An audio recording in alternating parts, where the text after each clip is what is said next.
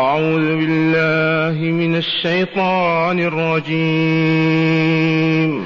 وعنده مفاتح الغيب لا يعلمها إلا هو ويعلم ما في البر والبحر. وما تسقط من ورقة إلا يعلمها. ولا حبة في ظلمات الأرض ولا رطب ولا يابس ولا رطب ولا يابس إلا في كتاب مبين. وهو الذي يتوفاكم بالليل ويعلم ما جرحتم بالنهار. ثم يبعثكم فيه ليقضى أجل مسمى. ثم إليه مرجعكم ثم ينبئكم بما كنتم تعملون. وهو القاهر فوق عباده. ويرسل عليكم حفظة حتى إذا جاء أحدكم الموت. حتى إذا جاء أحدكم الموت توفته رسلنا وهم لا يفرطون. ثم ردوا الحق. ألا له الحكم وهو أسرع الحاسبين. سبحانه لا إله إلا هو. معاشر المستمعين والمستمعات من المؤمنين والمؤمنات. قول ربنا جل ذكره وعنده مفاتح الغيب لا يعلمها إلا هو. آمنا بالله. آمنا بالله.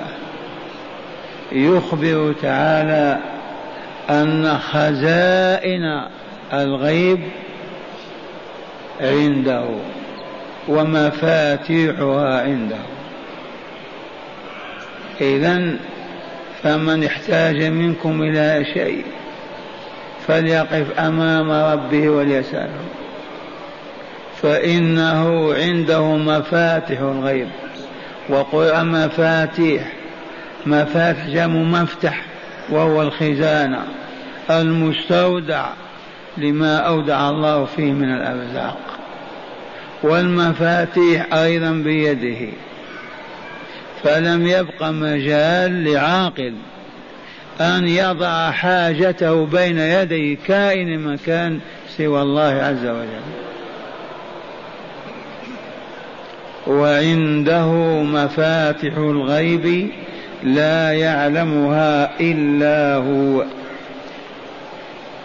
ليس هناك من ملك ولا نبي ولا ولي ولا ولا من يعلم هذا الغيب.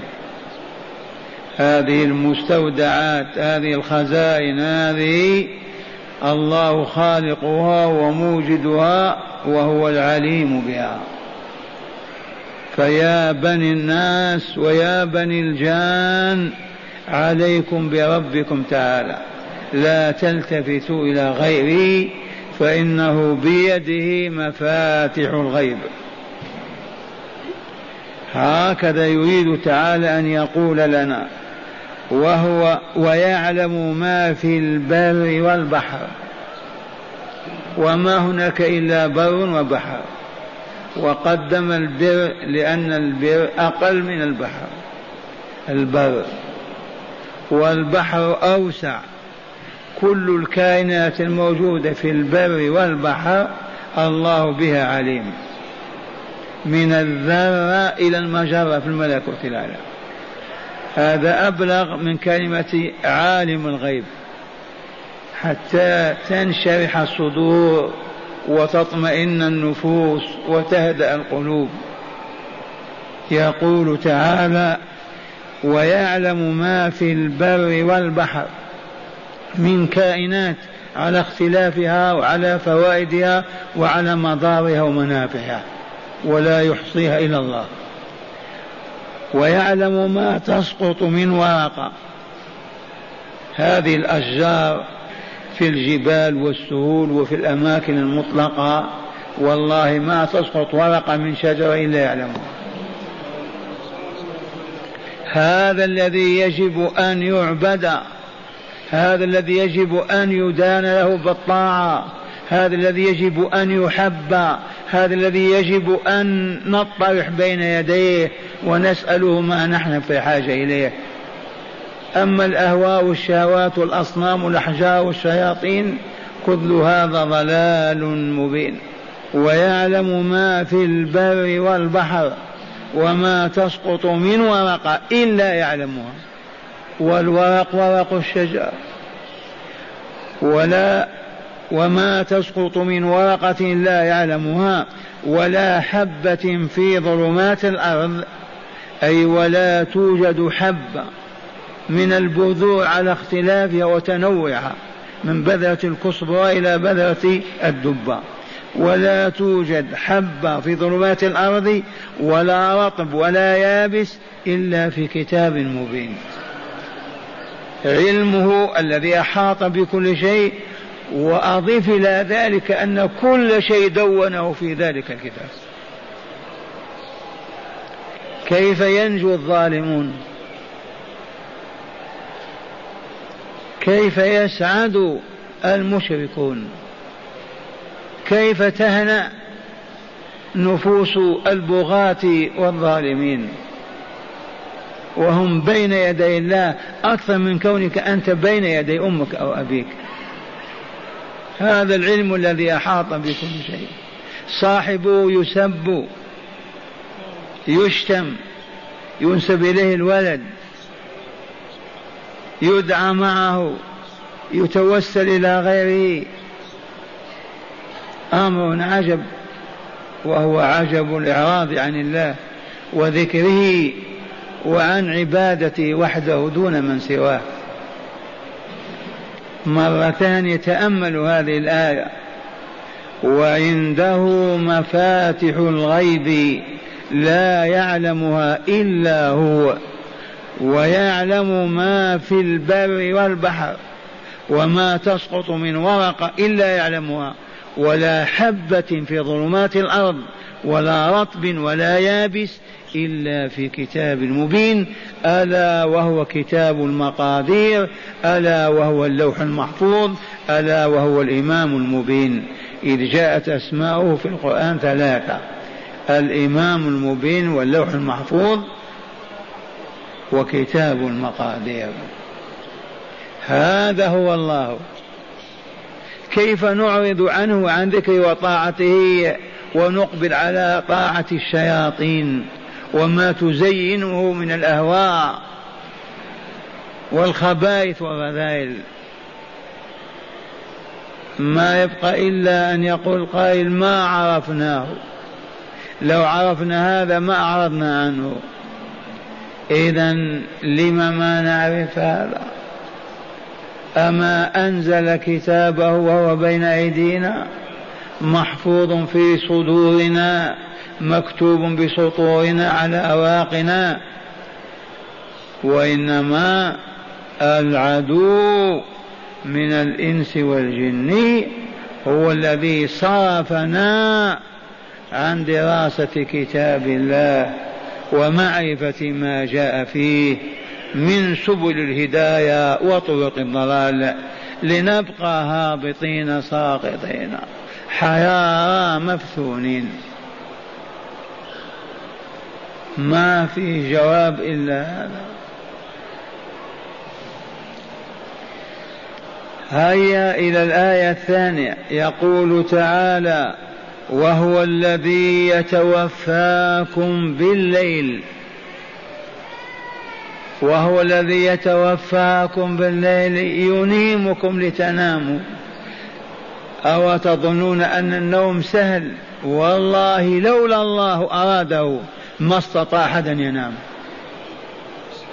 ما هناك فرق بين النوم واليقظة؟ إذا الذي يتوفاكم بالليل وقد ننام بالنهار لكن نوم الليل هو الأكثر وهو الذي تتجه الموعظة به. من يتوفانا في الليل؟ الأعمال التي كنا نعملها في اليقظة لها حد تنتهي إليه. إذا ينيمنا. فإذا نمنا وقف العمل. فإذا استيقظنا بدأ التسجيل علينا والعمل. لكن الظاهرة هي ظاهرة النوم كيف ننام؟ لولا تدبيره لولا حكمته لولا قدرته ومشيئته ما نام الإنسان. كيف ينام؟ من منكم يقبض عني يقول أنا نمت الآن؟ والله ما يستطيع ولا يقدر. جاء من سورة يونس من مظاهر قدرة الله وعلمه النوم. يتوفان بالنوم. وهنا يقول تعالى وهو الذي يتوفاكم بالليل ويعلم ما جرحتم بالنهار. ويعلم ما جرحتم. الجرح بالسكينة وإلا بالعود. المراد من الجرح هنا العمل بالجوارح. جوارحك يا عبد الله كم؟ خمسة. سبعة. أولا تجرح بعينك فتنظر ما لا يحل لك أو ما يجوز لك. ويسجل لك. تجرح بأذنك تسمع الخير أو الشر الحق أو الباطل. تجرح بلسانك تقول المعروف أو المنكر. تجرح بيديك ماذا؟ تكتسب الخير أو الشر تسرق وتخطف أو تتصدق. تجرح برجليك تمشي إلى الخانات ودور الباطل أو إلى المساجد ودور المعرفة والعلم. كم جارح هذه؟ خمسة.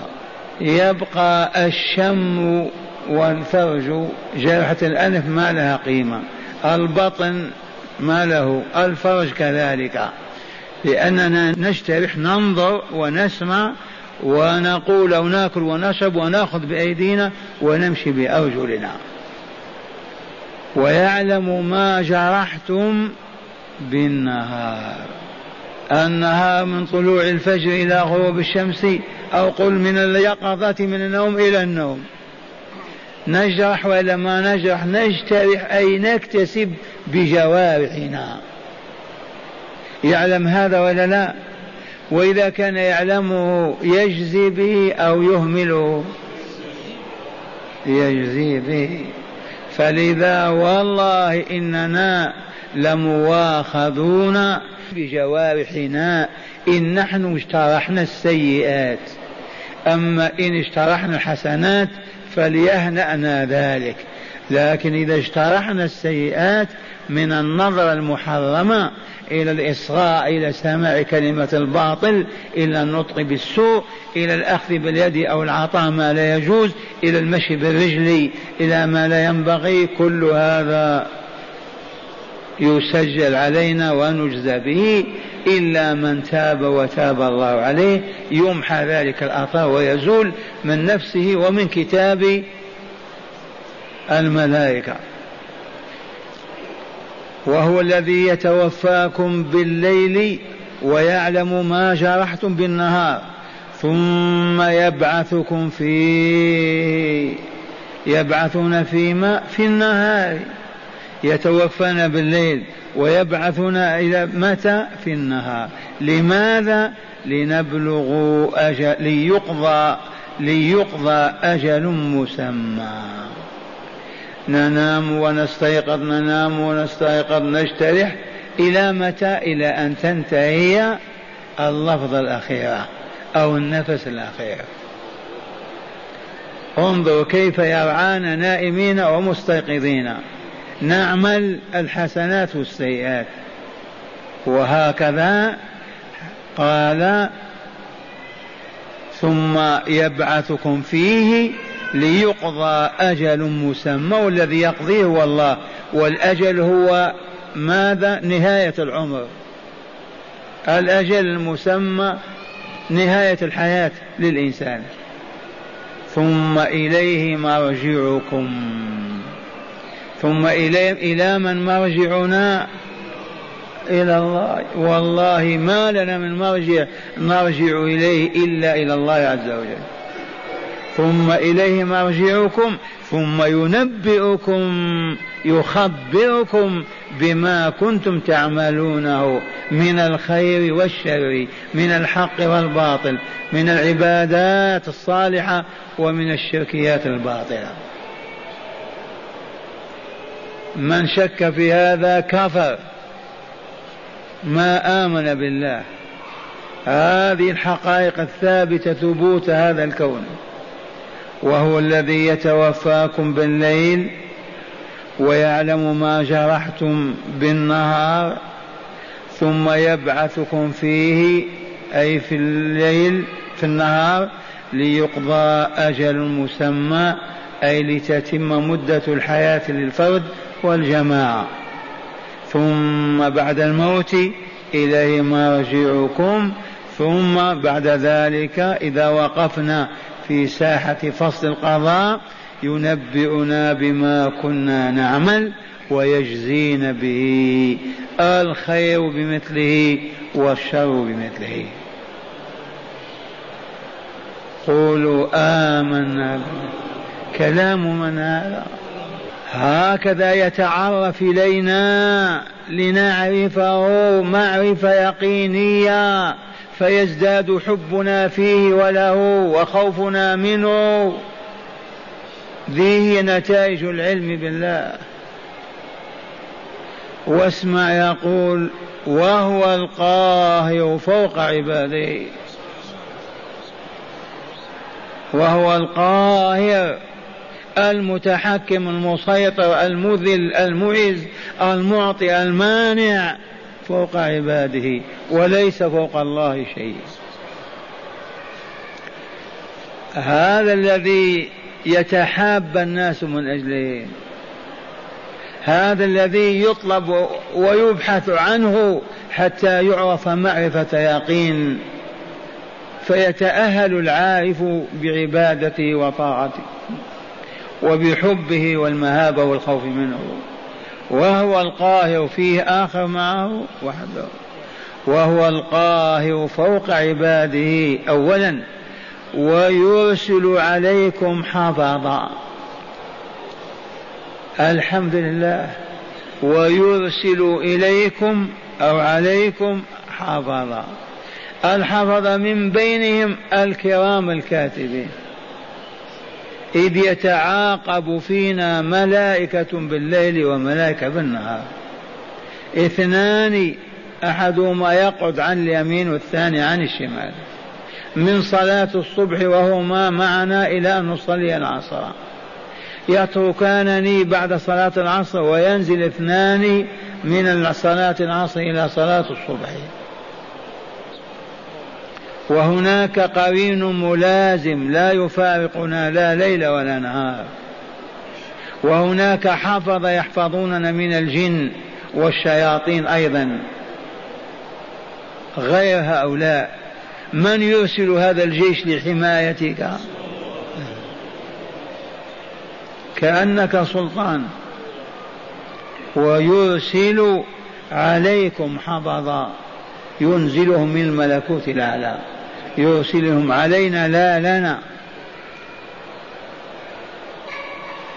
ويرسل عليكم حفظا حتى إذا جاء أحدكم الموت. الموت جاي يا أبا صحيح؟ متى متى يرحمكم الله. هو جاي وإلا لا؟ والله لا أتي متى ما ندري قد يكون الآن؟ بعد ساعة بعد يوم. لم ننسى الله ونعرض عن ذكره؟ لما نصاب بهذه المحنة؟ الإعراض عن ذكر الله والإقبال على الشهوات والأهواء. ونحن محكوم علينا بالموت. ومن حكمة الله لا يطلعنا عليه حتى يأتي مفاجأة وبذلك تتم حكمة الله. لو علمت أنك تموت بعد أسبوع بعد شهر تستقيم. لكن ما دمت في دار الابتلاء والعمل لا تدري حتى تؤخذ على ما أنت عليه. ويرسل عليكم حفظ إلى متى؟ حتى إذا جاء أحدكم الموت توفته رسلنا وهم لا يفرطون. هل لله رسل كل من أرسله الله من الملائكة رسول؟ كل من أرسله من الأنبياء رسول؟ حتى إذا جاء أحدكم الموت توفته رسلنا وهم ملك الموت وأعوانه.